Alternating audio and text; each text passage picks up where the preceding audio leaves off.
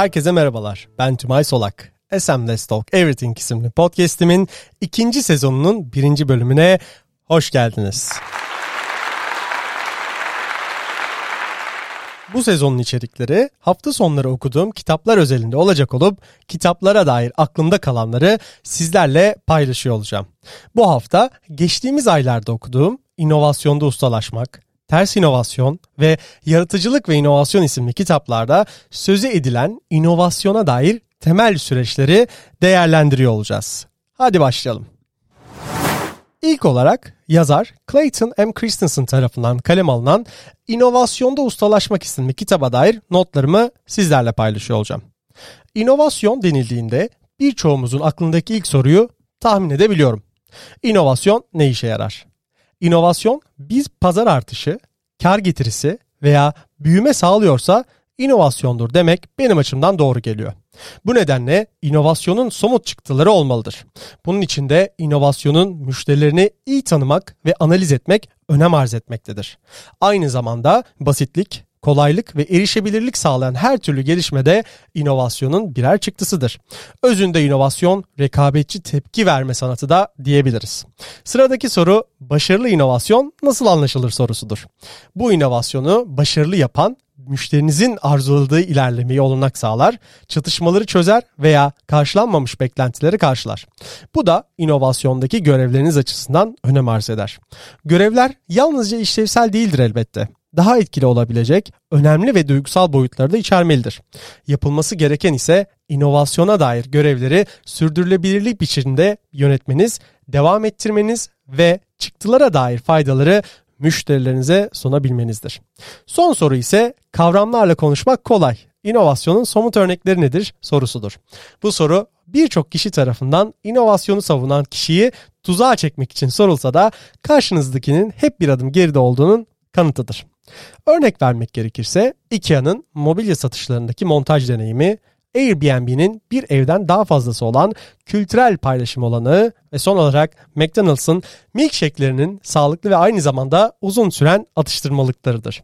Bunlar ilk aklıma gelen örnekler arasında yer alıyor.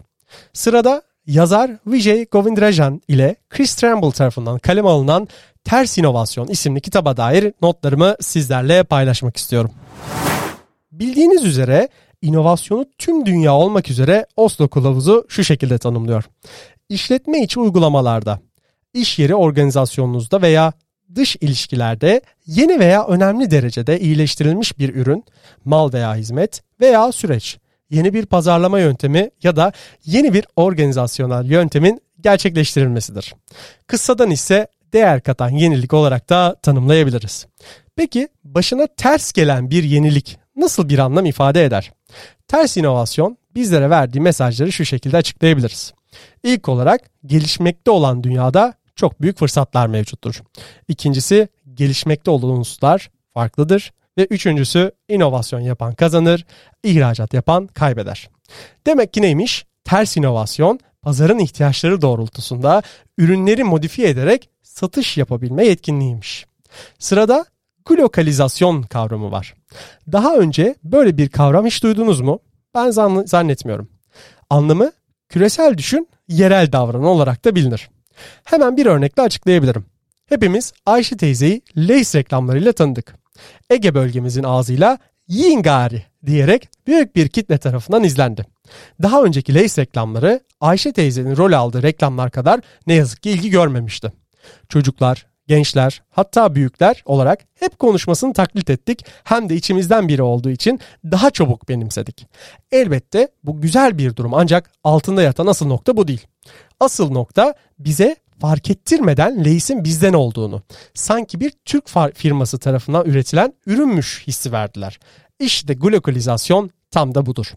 Son olarak ise yazar Franz Johnson tarafından kaleme alınan Yaratıcılık ve İnovasyon isimli kitaba dair notlarımı sizlerle paylaşmak istiyorum.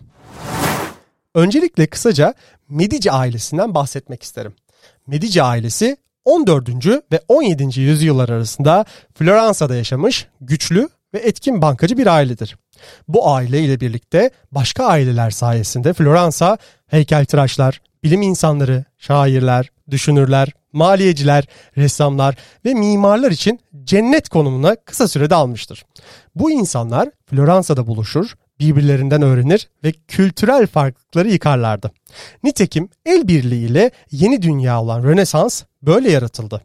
Kitapta da bahsedildiği üzere Medici etkisi Rönesans döneminden itibaren günümüze kadar gelen kesişen fikirlerin buluşması ve o fikirlere işlevsellik kazandırılması ile birlikte bizlere inovasyon kavramını kazandırmıştır.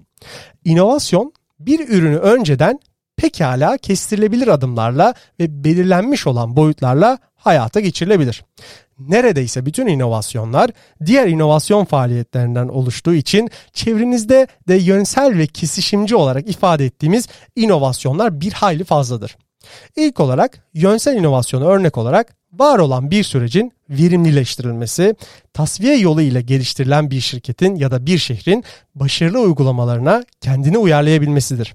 Böylece inovasyon karşılığında elde edileceklerin önceden bilinmesiyle birlikte hızlı hayata geçirilebilmesidir.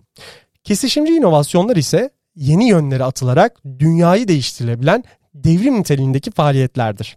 Yepyeni alanlar açabilen, dünyayı hiç beklenmedik şekillerde etkileyebileceği kesişimci inovasyonlar yönsel inovasyonlara göre daha az rastlanan bir durumdur.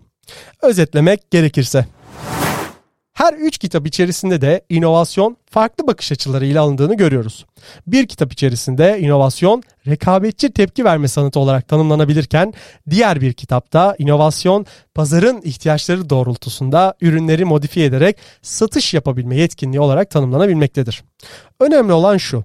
Her ne yapıyorsanız yapın ya da üretiyorsanız müşteri gözünden görebilmeyi anlamalı ve becerebilmelisiniz. Evet bu haftalık da benden bu kadar. Umarım sizler de benim kadar keyif alıyorsunuzdur. Yorumlarınız için bana mail atabilir veya LinkedIn üzerinden ulaşabilirsiniz. Gelecek hafta görüşmek dileğiyle. Hoşçakalın.